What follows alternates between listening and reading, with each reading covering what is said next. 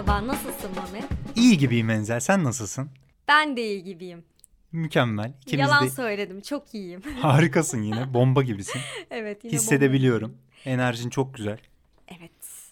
Ve yine sepetimiz dop dolu. Dop dolu. Aslında bugün yani çok yoğun bir sinema gündeminden çıkmadık. Yine de bizim daha önce izlediğimiz, hazırladığımız içeriklerden böyle bir şeyler toparladık efendim Kendimize sizler bir için. gündem yarattık. Aynen öyle. Ve ilk açılışı da geçen hafta Netflix Türkiye'de gösterime giren filmle başlatıyorum. Başla. Sen hiç Ateş Böceği gördün mü? Yılmaz Erdoğan'ın 1999 yılında ilk kez tiyatro sahnelerinde gösterilen oyunu hatta döneminde 1 milyon izleyiciye ulaşmış işte çok sevilen böyle ünle de ün katan aslında kendisinin Ee, Netflix'te bir filme uyarlandı. Zaten yıllardır kendisi de aslında sinemaya uyarlama e, hayaliyle yaşıyormuş e, bu projeyi. İstersen bir konusundan bahset sonra devam edelim. Aynen konusu şöyle 1948 yılında doğan Gülseren'in doğduğu konaktaki 50 yılını anlatıyor. E, Bunu anlatırken de Türkiye'nin siyasal, toplumsal durumunu da arka planda gösteriyor oyun. Ve Gülseren'in şöyle bir özelliği var. Üstün zekalı biri. O yüzden insanlardan uzak tek iyi anlaştığı kişi de babası.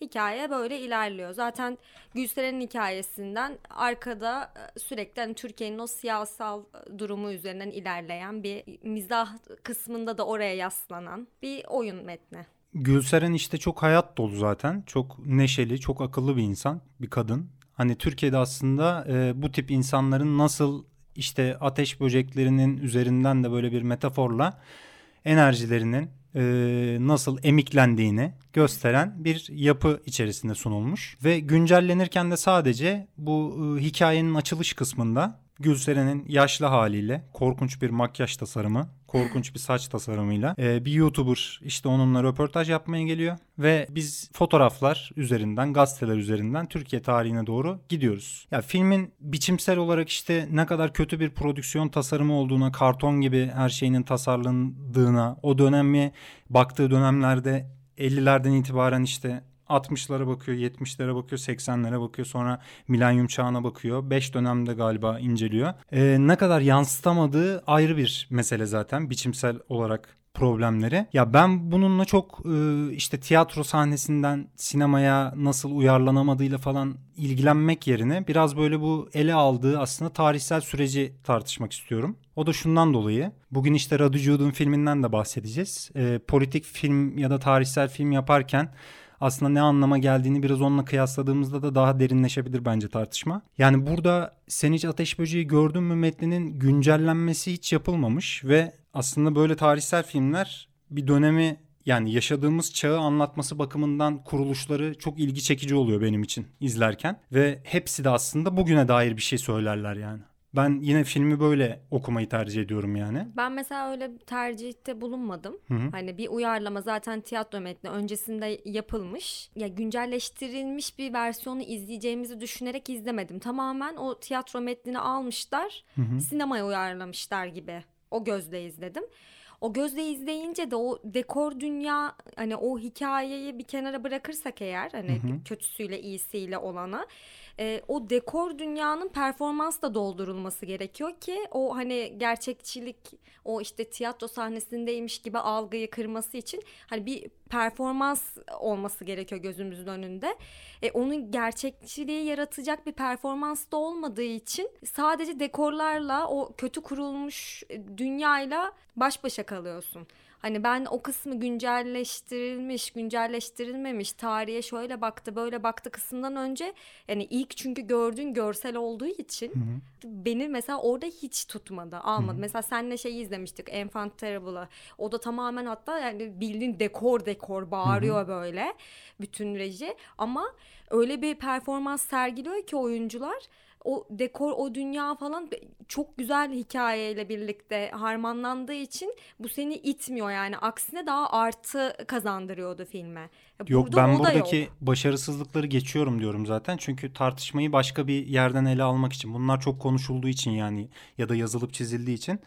Yönetmeni de Andaç Haznedaroğlu. Türk televizyonları içinde işte birçok diziye ya da e, filme imza atmış önemli bir yönetmen. Ve ben burada aslında performanslar derken oyuncuları da suçlu bulmuyorum. Çünkü tercih edilen estetik işte e, hem yönetmenin hem de... Oyunu estetiği. senaristin e, tercihleri üzerinden yapılmış bir e, oyun formatı gibi düşünüyorum yani çok e, uyarlaması hakikaten başarısız. Ama demek istediğim şu yani yani tarih yazımı dediğimiz şeyin içerisinde ele al, almamız lazım bu tip filmleri. Çünkü bunlar birer tarih yazımı bir tarihe bakıyorlar ve tarih üzerine bir şey söylüyorlar. Ve filme baktığımızda aslında Türkiye'nin 1950'leri ile e, 2000'leri arasını ele alıyor. Ve burada aslında son yaşadığımız 20 yıla dair hiçbir şey yok filmde. Ya ben- bu beni heh. inanılmaz rahatsız Yani etti oraya izlerken kadar yani. işte gelene kadar ben bir güncelleştirme yaptıklarını düşünmeden tamamen oyunu sinemaya uyarlıyorlar İşte bu diye ama bu düşündüm. bu Ama bu- yani o şu demek oluyor. Bugün var yani filmde. evet ya bugün var ve e, ben tamamen bunu ticari kaygıyla işte romantik zaten vıcık vıcık bir romantiklik akıyor filmin bütün her yanından yani. E, romantik bir takım işte e, arzularla ben bunu bir hayalimi gerçekleştirdim demek bana yetmiyor. Çünkü bugüne dair bu filmin ne söylediğine bakıyorum ve bugüne dair hiçbir şey söylememesi de bana şöyle şeyler canlandırıyor kafamda. Mesela bir eleştiri yazısı yazsaydım bu filmle ilgili ya başlığı şey olur başlığı şöyle olurdu herhalde. Türkiye tarihine iktidar sevici bir bakış derdim yani. AKP mitingi gibi geldi bana gerçekten film. Çünkü şöyle yani işte 1950'lerdeki siz o tek partili dönemi hatırlıyor musunuz ya da işte astınız, öldürdünüz, zehirlediniz, yedirmeyi izler. Ondan sonra işte darbelerle bu ülkenin e, çocukları nelerle aslında boğuştu. Bu ülke ne kadar aslında problemler, sıkıntılar yaşadı. Bugünlere siz laf ediyorsunuz ama tarihe bakın gibi. Hani cümleleri böyle işte AK Parti'den duyabileceğimiz böyle onun e, bir şeyi gibi şu anda filmin bütün tarihsel bakışı. Onun Konsantre zuhur hali. bulmuş evet konsantre hali gibi. Çünkü şöyle yani kare kare aklımda kalan şeylerden bahsedeyim. Bugün mesela kadınların inanılmaz bir politize olmuş halleri var. İşte İstanbul Sözleşmesi üzerinden ya da Türkiye'de yaşanan e, erkek şiddeti ya da kadın cinayetleri üzerinden. Ya bugün yapılan bir filmde ben hala işte 70'lerdeki e, sağcı solcu çatışmasını sokakta görüp kadınları balkonda gördüğüm zaman mesela bu hiçbir anlam ifade etmiyor. Yani Yılmaz Erdoğan'ın şu anda yaşadığımız dünyadan ne kadar kopuk olduğunu, ne kadar aslında yaşadığımız çağın dinamiklerinden bir haber olduğunu gösteriyor bana. Hani şu anda erkekler balkonda artık yani. LGBT artı insanlar, işte kadınlar sürekli sokaklarda bir direnişteler. Çünkü iktidarın da söylemleri aslında hem e, feministleri hem de LGBT artıyı aslında bu marjinalize etmeye çalışan bir yapıda. Seni şu okumanı bile hak etmiyor biliyor musun? Hayır ama ama bunları hakikaten böyle konuşmak lazım yani. Çünkü öbür türlü şey oluyor yani. Biz işte Türkiye'de bakın ne- nerelerden geçtik. Nasıl sıkıntılar yaşadık. Bu tip işte Gülseren gibi karakterleri çok akıllı insanları eski Türkiye tırnak içinde e, sindirdi, yok etti. Onların yaşam sevincini elinden aldı. Ve son 20 yıl ne yaptı peki? Gülseren'e son 20 yılda ne oldu? Hiç görmüyoruz onu yani. Ya da kadına şiddetin bu kadar laçka bir şekilde işte kocasından şiddet görüp eve geldiği bir sahne var falan. Bu kadar laçka bir şekilde, bu kadar umursamaz bir şekilde ele alınması falan da beni inanılmaz rahatsız ediyor. Yani bu tip açılardan eğer böyle bir 20 yıl sonra bir metni ele alıp politik açıdan ben Türkiye tarihine bakıyorum demek için yani bunu muhakkak e, çok daha ciddi bir okumanın yapılması ve uyarlamanın senaryonun o anlamda güncellenmesi gerektiğini düşünüyorum yani. O açılardan inanılmaz rahatsız oldum ben filmden. Ya zaten böyle bir güncelleme kısmına hiç girişilmemiş. İşte sadece o Ee, dediğim Bir öncekini izlemiş miydin sen oyunun hayır, video halini? hayır. Çoğu oyuncu hatta sana şöyle söyleyeyim oradaki performansın hemen hemen aynısını yansıtmış yine. Yani Hı hı. bir değişiklik yok performansta bile. Hı hı. O kadar almışlar copy paste yapmışlar yani. Ya buna da ben şey karşı argümanını kabul etmem o yüzden. Ne alakası var? 2000'lerde yapılmış bir metin. Ee, işte o döneme o açıdan bakmak lazım diye kesinlikle kabul etmem bunu. Çünkü 2021'de ben bu filmi izliyorum ve 2021'in dinamiklerine göre bana ne söylediğine bakıyorum yani ve bunu e, sansürlenmiş bir bakış dışında hiçbir şey görmüyorum filmde yani. Ben de katılıyorum. Yani daha fazla söylenecek bir şey yok. Aynen öyle yani söyleyecek o yüzden hani biçimsel tercihlerine ya da yapamadıklarına hani zaten bir şey demek ya çok gülünç hakikaten birçok sahnede ben e, ağlatmaya çalıştığı ya da duygulandırmaya çalıştığı beni birçok sahnede kendimi tutamadım gülmekten yani. Çünkü makyaj tasarımıyla, prodüksiyon tasarımıyla, oyunculuk tercihleriyle burada yanlış anlaşılmasın yine oyunculara kesinlikle hiçbir lafım yok yani. Tamamen burada yapımda, yönetimde kim sorumluysa hani onların tercih ettiği estetik neyse onun üzerinden inşa edilmiş bir BKM filmidir yani. Hani bir BKM filminin de böyle işte 20 yıl sonra 2000'lerde bu filmin ne anlama gelebileceğini anlıyorum. Hani 20 yıl sonra e, bu şekilde sunulması beni çok rahatsız ediyor yani. Hani ticari kaygıyla yapılmış eğlence işi bir film olsa kesinlikle böyle şeyleri düşünmem. Ama bir tarih okuması yapılacaksa çok daha e, ciddiye alınması gereken çok ciddi konular var yani Türkiye'de. Ya eserini çok seviyorsa diyelim ki Yılmaz Erdoğan Hı-hı. ciddi anlamda ben bu eserimi çok seviyorum ve sinemada da görmek istiyorum diyorsa eğer ciddi anlamda bir dünya kursaydı ve sadece o anlatmak istediğini anlatsaydı. Bu kadar böyle e, güncelleştirdim ben buraya da dayanıyor, zamanımıza dayanıyor gibi bir yerden bakmasaydı bence bu dediğin okumaların hepsini tam anlamıyla yapmanın bir anlamı olmazdı ama e, şu an mevcut durumda yapmak gerekiyor. Ya yine oluyor ama şimdi mesela Yo radyo... yine aynısını ha. çevirmek istediği zaman sen neyin tartışmasına gireceksin ki kişiyle? O zamanki eseri o yani. Ve şu an Ama aynısını yapmak bugün işte 20 yıl önceki bir eseri hiç güncellemeden Zaten bugünün... komik olanı niye yapıyorsun? Ben başta evet, onu işte diyorum. Onu diyorum hiç yani. gerek yok Aha. böyle bir şey yapmaya. Başta zaten o offside. Bu hani tiyatro metninin şu an uyarlanmış hali korkunç. Hı hı. Hani hiç yapılmaması gereken Hı-hı. bir şey.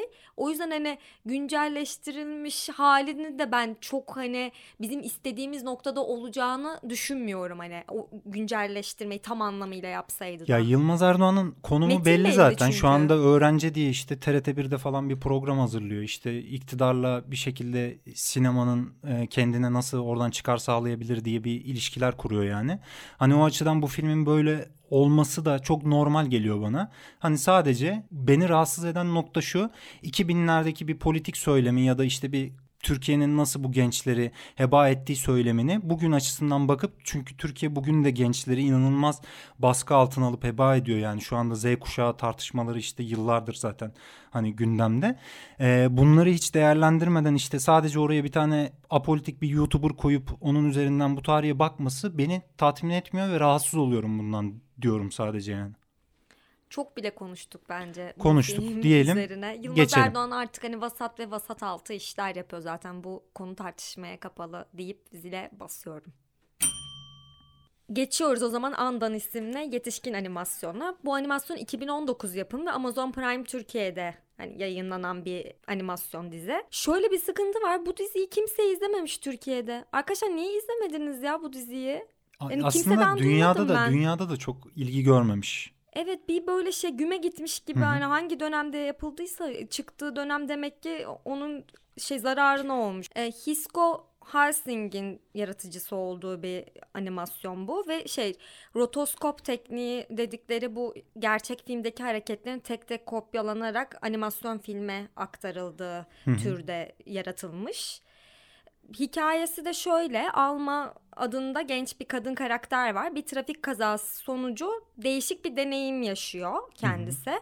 Kendisiyle ilgili bir durumu keşfediyor. Zamanda ve mekanda sürekli krizler yaşayan aslında ve onlar arasında bir seyahat edebilen bir kadının öyküsü. O yüzden bu rotoskop tekniğiyle bütünleşince biçimsel olarak çok üstün bir e, animasyon haline dönüşüyor. Çünkü rotoskopun şöyle bir avantajı var. Live action çekimler yapıldığı zaman onları böyle 3D animasyonlarla ve işte iki boyutlu animasyonlarla birlikte resimlerle birlikte mekanı tamamen e, animasyon haliyle yaratıp hem de oyunculukları da kare kare aldığı için bu gerçek çekimlerden müthiş bir gerçekçilik hissi uyandırıyor insanda.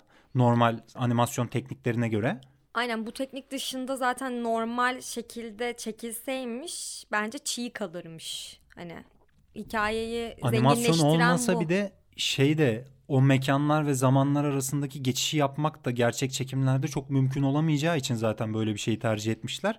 O yüzden biçimsel olarak gerçekten çok ilgi çekici. Ben hani senaryosunu öyle müthiş e, bir yere bağladığını ya da e, böyle inanılmaz ilgi uyandırıcı bir yapısı olduğunu düşünmüyorum. Ama yine de senaryosu da bence güçlü. Hani farklı bir kere yani birçok dizide göremeyeceğimiz aslında farklı bir yapısı var yani. Hem e, fizik üzerinden, kuantum fiziği üzerinden hem de işte bir baba kız hikayesini anlatıyor aslında. Babasını kaybetmiş ve bunun üzerinden işte bir takım travmalar yaşayan e, bir genç kadının hikayesi. Yani genel aile draması dinamikleriyle ilişkilendirmişler Hı-hı. bu bilimsel fiziksel kısım dediğin gibi.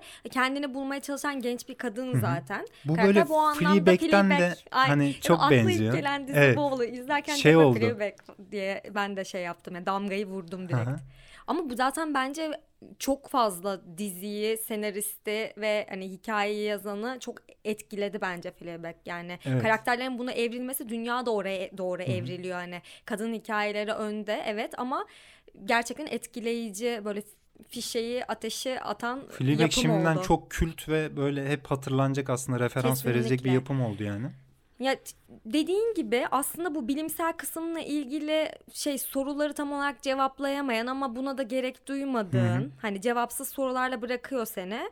Ben şeyi sevdim. Bu Alma karakterin deneyimlediği şeylerin hani bulunduğu zaman ve yerin gerçek olup olmadığına ilişkin işte hayal mi yoksa Hı-hı. hatıra mı halüsinasyon mu kısmını hani sevdim bu şeyle birlikte teknikle birlikte. Hı-hı.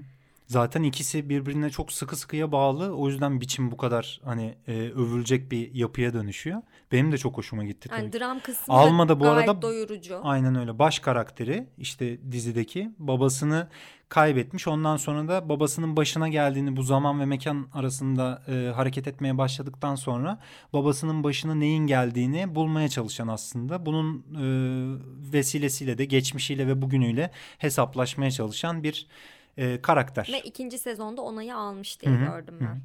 Ben hani şu anda sezonu bekliyorum. ikinci sezonun ne zaman geleceği belli değil ama gerçekten e, müthiş yani izlediğiniz birçok şeyin dışında kalacak hem biçim hem de içeriği anlamında muhakkak izlemediyseniz. Aynen 8 bölüm 20-25'er dakika zaten Aynen öyle. bölümlerde. Kısa kısa Çok bakın rahat arkadaşlar. bir şekilde tüketilebilen bir dizi. Biz Diyelim, sevdik. Biz sevdik önerelim ve geçelim. Evet, bugün aslında bu film için toplandık diyebilir miyiz Mami? bugün bu film için buradayız. Bad Luck Banging or Looney Porn, Rada Jude'un son filmi. Berlin Film Festivali'nde Altın Ayı ödülünü alan da film. Ve film malum ortamları düşünce biz de Enzel'le birlikte izledik. Ee, ve üzerine de gerçekten istiyorum ki şöyle amfileri doldurup binlerce kişiyle tartışalım. Yemin ederim sana.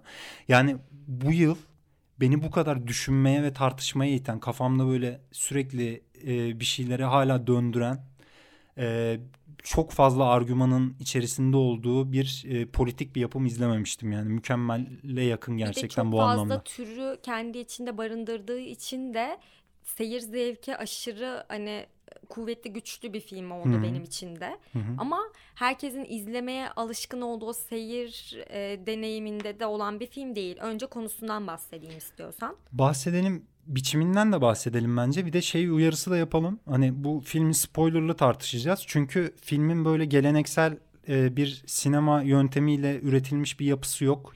O yüzden merak uyandıracak ya da işte e, sizin izleme deneyiminizi böyle değersizleştireceğini düşündüğümüz bir spoiler vereceğimizi de zannetmiyorum. O nedenle daha detaylı konuşabiliriz diye. Ama istemeyenler yine de spoiler istemeyenler aşağıdaki dakika yönlendirmelerinden bir sonraki konuya geçebilirler. Evet konusu da şöyle. Eşiyle seks yaparken videoya çeken bir tarih öğretmeni var. Kadın karakter. E, bu video internete düşüyor bir şekilde.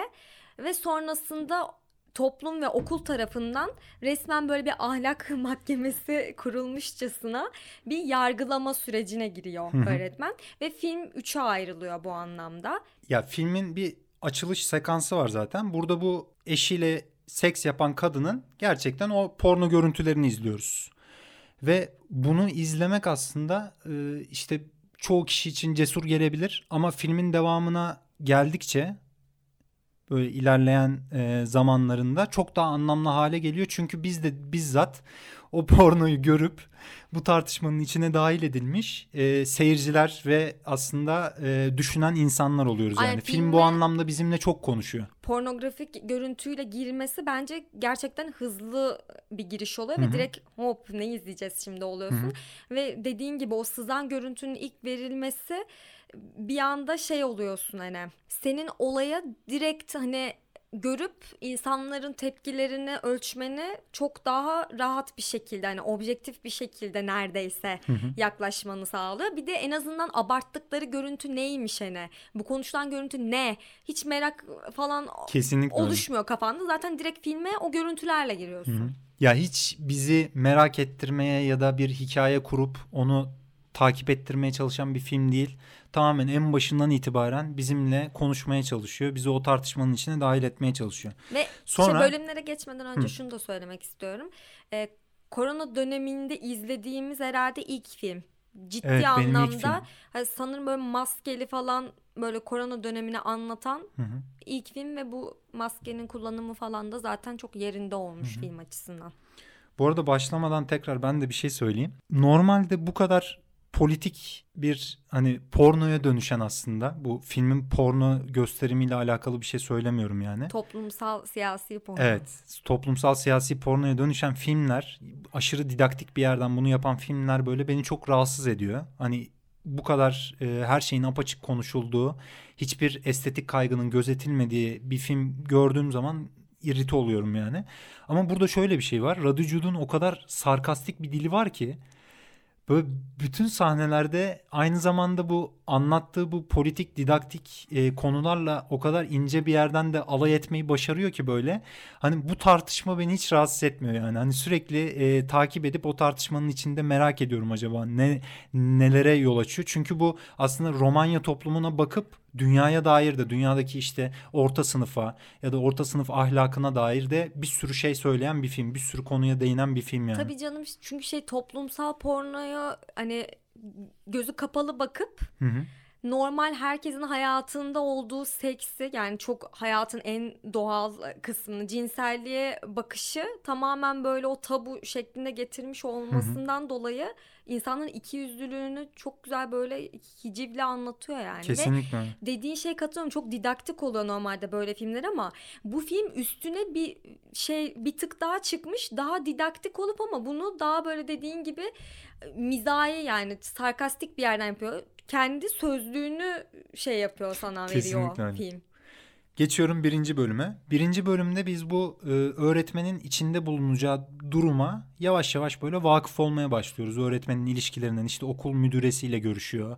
Ve Romanya sokaklarında yürürken 35 dakikalık falan bir bölüm bu. Sürekli öğretmenin etrafında biz geziniyoruz şehirde. Ve sadece hikayenin hazırlanışını ya da final sekansındaki 3. bölümdeki tartışmaya bizi hazırlamıyor. Aynı zamanda da aslında güncel Bükreş sokaklarında bizi gezdirerek şu andaki Romanya toplumunda e, o mimaride neler olduğunu ve bu konuyla ilişkili işte toplumsal eleştirilerini sunacağı ya da politik eleştirilerini sunacağı alanlarda bizi bir takım işte duvar resimleriyle, afişlerle baş başa bırakarak böyle 5-6 saniye e, bize Romanya toplumuna dair bir şeyler söylemeye başlıyor. E, filmin bu yapısı bana şeyi hatırlattı. Dardan kardeşlerin e, İki Gün ve Bir Gece diye bir filmi var. Orada da kadın işten çıkarılacak mı çıkarılmayacak mı diye gerçekten iki gün bir gecesini anlatıyor Hı hı. kadının bekleme sürecini. İzlemiştim onu. Çok benziyor mesela Hı o anlamda o kısmına. Direkt aklıma o geldi. Yani sürekli işte e, ana karakterimizi biz bir yere girip çıkarken tarih öğretmenini görüyoruz ama e, kadraj hep böyle sokakta bir şeyde kalıyor. Bir 5-10 saniye kalıyor. Mesela bunlar da birkaç tane örnek vereyim Arkadaşlar yani. Mami bir hazırlanmış o görüntüler üzerine. Yani böyle Romanya'nın panoramik görüntülerine yansıttı. Siz böyle genel resme bakıyorsunuz ya. Mami ayrıntıya bakmış. Şimdi yani hepsinden bahsedemeyecek büyük bir Evet, ihtimal evet ama birkaçından bahsedeceğim. bana yani. bahsetti yani. Büyük Ya bir bütün çalışma. izledikten sonra böyle tekrar izleyip bütün detaylar üzerinde durup böyle Google araştırmaları yaptım işte şu neymiş falan diye. En başta mesela biz e, tarih öğretmenini izlerken işte bir sokakta duruyoruz. Bir kitapçının yanından geçiyor. Sonra orada bir tane kitaba yakınlaşıyor böyle kamera. Orada da Julian Vilad'ın İtiraflar kitabını görüyoruz işte. Julian Vlad da e, 1989 Romanya devriminde e, Çavuşescu'nun eski e, komünist e, diktatör liderin e, aslında olduğu dönemde Romanya gizli servisinin başındaki generalmiş ve o dönemdeki işte çok kanlı büyük böyle e, problemlere yol açan Romanya tarihindeki e, o devrim sırasında Çavuşescu'nun talimatlarıyla insanların bastırılması için bir sürü e, işte askerini, polisini kullanarak bir sürü kişinin ölümüne yol açmış. Daha sonra Çavuşescu zaten idam ediliyor karısıyla birlikte. E, Vlad da e, 9 yıllık bir hapse çarptırılmış. Aslında bir takım hafifletici sebepler gösterilmiş bununla ilgili falan. Çok detayına girmeyeceğim. Daha sonra da 4 yıl hapis yatmış. 2017 yılında da ölmüş. Daha sonra işte bize böyle AVM kültüründe o dönüşen e, kapitalizmle de birlikte aslında bir kültürsüzleşen de dünyada da birçok şehir var böyle zaten. Bu e, Romanya'nın e, güncel aslında insanların hiçbir şeye tahammülünün kalmadığı bir e, Türkiye'den de çok yakından tanıyabileceğimiz Yani şeylere odaklanıyor. İşte şeyler. yaya geçidinden biri geçerken ona küfredenler hep de bunlar böyle kadın düşmanı ve işte e, ağzına vereyim gibi tırnak Aynen. içinde yani. Kaldırıma araba park Hı hı. edenler. Kaldırıma araba park edip onu işte kaldırmasını söyleyene yine böyle kadın düşmanı cinsiyetçi küfürler edenler ve hepsi de böyle oral seksle aslında alakalı böyle e, şeyler e, küfürler bunların yani. Sonra işte biz orada organ nak- nakli bekleyen çocukların yolsuzluklardan dolayı nasıl e, öldüklerini işte sıralarının başkalarına verildiğini bir eczanede görüyoruz.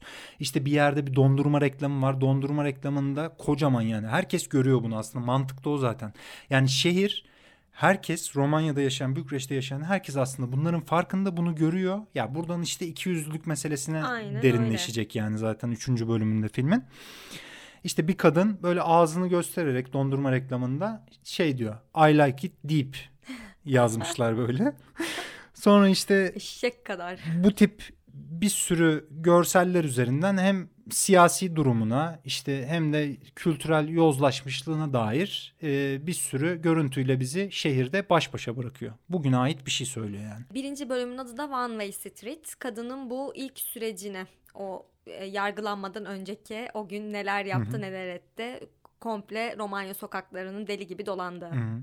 Ve hikayeye dair de bize işte ne olacağına dair bir takım böyle nüveler bırakmış oldu. Ondan bir de sonra o günkü Romanya'nın aslında e, şeyi hani siyasi ve Aynen, toplumsal görünüşü. durumunu göstermiş oldu bize. Kadrajını aldığı görüntülerle. İkinci bölümde de sözlük bölümü tamamen essay film türünde yaratılmış bir bölüm. E, Yönetmen işte Romanya tarihi, siyasi meseleler, bu cinselliğin hikayesi, korona süreci, temel hayat e, düşüncelerini bildiğin hicvederek bir sözlük yaratıyor. Ve bu da işte dediğimiz gibi makale film türünde.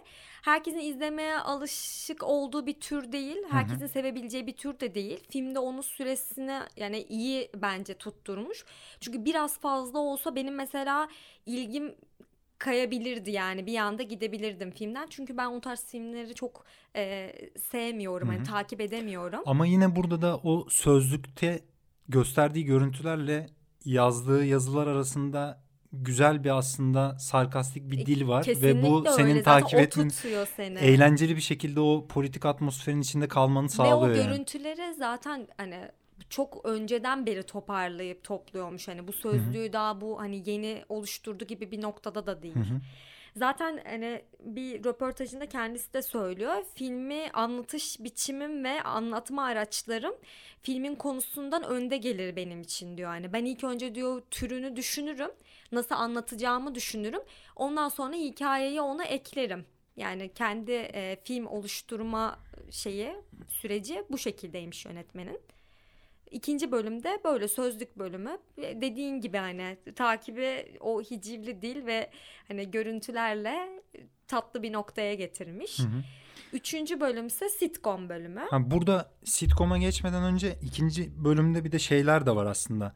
Romanya'nın işte 1944'lü yıllarda e, Yahudi soykırımına nasıl karıştığı, Çingenelere karşı işte yapılan ırkçılık ülkedeki, e, ondan sonra işte eğitim sistemine, çocukların nasıl eğitildiğine, ebeveyn şiddetine bunların hepsi bir yere bağlanacak çünkü 3. Aynen bölümde. yani bildiğin gerçekten film için sözlük yaratmış. Kesinlikle öyle yani. Gazetelerdeki işte yayın etiğine, çöplüğe dönmüş şehirlere, TV'lerdeki işte üsluba dair böyle çok geniş bir bir sürü alana dair bir tartışma alanı açıyor film. Üçüncü bölümde de işte bu hazırlığı tartışma alanını böyle geniş bir yere yaydıktan sonra film aslında geleneksel sinemaya daha çok pas atan bir e, bölümle bizim karşımıza çıkıyor. Burada da işte tarih öğretmeni olan Katya artık okula gidiyor. Okulda müdürenin başkanlığını yaptığı bir e, mahkeme kuruluyor aslında. O mahkemeye bütün veliler çağrılıyor ve e, çocuklar da 11-13'lü yaşlarında falan o dönemlerinde çocuklar ve hepsi e, işte bu görüntüleri izlemişler, seks sahnelerini izlemişler. Bunun üzerinden öğretmenin artık okulda kalıp kalmayacağına karar verecekler. Bir oylama yapacaklar burada. Ve burası da inanılmaz o gerginliğe rağmen yine çok komik anları var yani. Ve Karakterler de çok komik. konuşulan her şey burada yerini buluyor. Hani yerini buluyor. Tüm Aynen öyle. bir şekilde o Yahudiler hakkında, Çingeneler hakkında soykırım, ırkçılık, hı hı. her şey çocuk e- yani eğitim konusundaki hı hı. bakış açıları, seksofobi. Çocuklara, aynen sekse bakış açıları falan her şeyi masaya yatırıyorlar Hı-hı. gerçekten. Ve çocukların buna maruz kalmasını işte e, bununla aslında bu seks sahnelerini çeken bu iki insanın sonuçta e, özel hayatı. Özel hayatı ve şeyi ikisi de aslında rızası var buna ve bir, bir sahne çekmişler. Nasıl yayıldığına dair de kimsenin bilgisi yok zaten. Ve bu çocukların buna maruz kalması benim suçum değil diyor kadın zaten. Ve bunun üstünden de aslında bu pornonun yayılması ya da işte günümüzdeki özel hayatların bu kadar deşifre edilmesi üzerine de e, bir tartışmayı da açıyor. Bunlar üzerine de düşündürüyor ve inanılmaz güncel bir hikaye. Şundan dolayı yani hani tarih öğretmeni bir kadın üzerinden ve bu ifşa meselesi üzerine bunu açıp bütün Romanya toplumunu hatta dünyayı oradan çıkarak da dünyaya dair bir şey söylediği için ya böyle kurulur Hocam asla de, mikro dedirtiyor. bir hikaye değil. Yani bugün bu tartışma böyle kurulur dedirtiyor hakikaten. Ee, ve biz onun üzerine işte bu tartışmayı veliler arasında ve öğretmenler arasında görüyoruz. Sonra finalde de üç e, alternatif üç alternatifli finalle var. bitiyor. Hepsi birbirinden eğlenceli. E, ve Ama aynı zamanda da gergin. sonu gerçekten filmin başı kadar e, çılgınca ve hızlı bir Kesinlikle şekilde. öyle. Filmin bitiyor. sonunda Mehmet Ali Erbil geliyor. Gerçekten ya doğru söylüyorsun. Mehmet Ali Erbil, böyle. Mehmet Ali Erbil sekansı var filmin sonunda. Çok sevdim ben sonunu Ben de ya. ben de. Finallerini de çok sevdim yani. Ay, Ve bu tartışmayı yani bu tartışmayı bu kadar böyle bir hiciv diliyle yapması gerçekten ayrı bir yere taşıyor film zaten. Yani tekrar tekrar vurgulayalım bunu. ee, ve Radicud'un mesela bir önce ki değil de e, Aferin isimli bir filmi 2015 var 2015'te. Yapımı, en iyi yönetmeni aldı. Onunla da en iyi yönetmeni alıyor ve o filmde de mesela 1930'larda yanlış hatırlamıyorsam Eflak'taki bir e, polisin e, bir çingeneyi aramasını konu ediyor film. Çingene de işte dönemin aristokratlarından birinin karısıyla cinsel ilişki yaşamış ve sonra kaçmış aristokrattan. Bir polis tutuyor aristokrat da işte. Onu araması üzerinden o dönemin Romanya toplumuna bakıyor aslında ve çok da aslında gerçekçi bir yerden yapmaya çalışıyor onu kurduğu estetikle. Ve yine inanılmaz güzel bir hiciv dili var.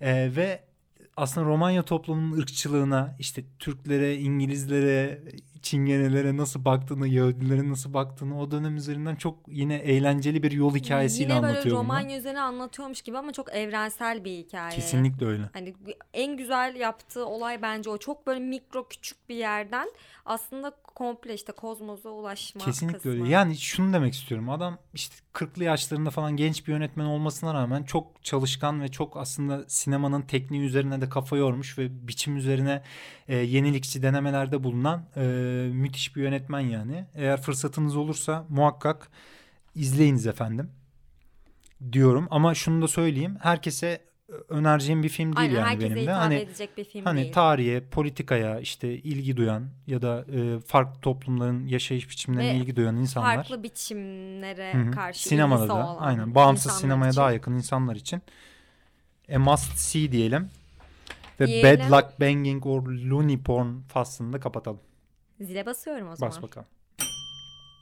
Ha, geçiyoruz son konumuz olan müthiş eğlenceli bir TV şovu 2021 yapımı HBO e, TV şovu Painting with Jonah. Aslında müthiş eğlenceli değil de müthiş dingin bir keyif alma Hali. Hali. Doğru söylüyorsun evet. Cidden öyle yani. Doğru söylüyorsun. 80'lerin ve 90'ların ünlü oyuncusu. Aynı zamanda ressam, müzisyen, asıl. yapımcı John Nuri'nin e, şu anda Karayip Adaları'ndan bize seslenişini konu eden 6 bölümlük bir mini show. Ya programın fikri resim yaparken kullandığı teknikleri hatırlamıyormuş. John Ha ben bunu bilmiyordum. Tabii canım hatırlamadığı için de yardımcısı demiş ki videoya alalım. Hani video almaya başta sonra ortaya çok komik görüntüler videolar çıkıyor. Sonra diyorlar ki bu korkunç zamanda insanları biraz olsun neşelendirmeyelim mi ya deyip keyiflendirmek için böyle bir program fikri ortaya çıkıyor. Yoksa hani aklında olan bir fikir değil aslında. Daha önce de işte Fishing with John'u yaptığı için bu sefer de Painting with John demiş John ismini. yapıyorum hadi bakalım demiş. Ya Zaten bölümlerde program şöyle da- aslında Ha, hani John Nuri resim yaparken belirli bir e, resim yapma tekniği falan da anlatmıyor bize. Ve Hayatla- şöyle diyor Bob Ross yanılıyordu. Herkes resim yapamaz. Aynen öyle. İlk girişi de çok komik. Aynen.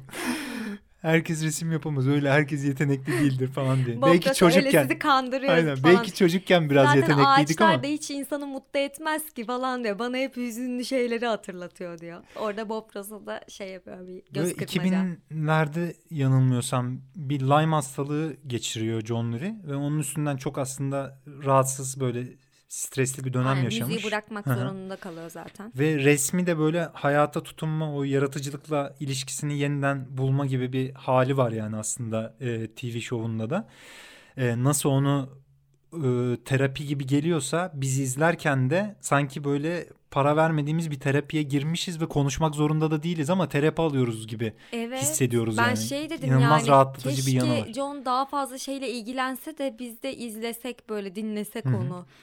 Böyle aslında benim şovla ilgili en çok sevdiğim kısım şu oldu. Ee, yaratıcılığın ne kadar zevkli bir hale bürünebileceğini bize gösteriyor. Çok basit yöntemler, hikaye anlatıcılıkları ya da işte e, kamera kullanımları yapsa da ve hatta yapım sürecini deşifre de ediyor işte. Sürekli drone uçuruyor mesela. Aynen. Açılış sekanslarında sürekli drone'u uçuramıyor ve parçalıyor Ya ve bunun zaten üzerinden mizahi bir tonu ve bunu çocuksu bir yerden yapıyor Aynen olması. Çok çocuksu bir çok- şov, hakikaten Evet çok çok, çocuksu. tatlı ve böyle birine anlatamazsın mesela bu programı. İşte Neyse, anlatamıyoruz ay biz bak şu an. anlatamıyorsun yani.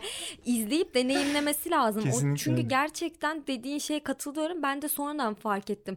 İzlerken böyle beni uyuşturmuş resmen. Böyle bir dinginlik, bir keyif alma şeyi e, hali içinde. Ve şey program boyunca da aslında kariyerinden bahsediyor. İşte o Anılarından bahsediyor Aynen aslında. kült e, caz topluluğu işte Long Lizards'tan bahsediyor. Jim Jarmusch'ta çektiği filmlerden, Martin Scorsese ile çalışmasından tutun işte nasıl müziğe başladığı, kardeşiyle olan ilişkileri falan her şeyden bahsediyor bir şekilde ve dinletiyor. Dinletiyor. Hani demiyorsun üf ben bu adamı niye dinliyorum ya falan Kesinlikle demiyorsun. demiyorsun. Böyle bayağı e, hipnoz olmuş şekilde. Hiç yaratıcı olmamasına rağmen o yaratıcılığın ne demek olduğunu böyle sürekli onunla alay ederek böyle bizimle konuştuğu için inanılmaz eğlenceli bir hale dönüştürüyor yaptığı Bu işi. arada yaptığı resimlerin çoğu müzelerde hani gösteriliyor. Tabii tabii. O resimle ilgili söylemiyorum. Tekniği olarak yani Ha, aslında tabii. bir şov yapmanın kendisiyle de dalga geçiyor ya ciddi bir şov Evet. yapmanın kendisiyle onu demek istiyorum yani. Ve benim en eğlendiğim bir bölüm vardı. Kaçıncı bölümde olduğunu hatırlamıyorum. İki tane kadın çalışanı var. John Nuri'nin. Bu kadın çalışanları da sürekli şovda dahil oluyorlar işte. Ve onların şov içerisinde kendini izledikleri bir bölüm var.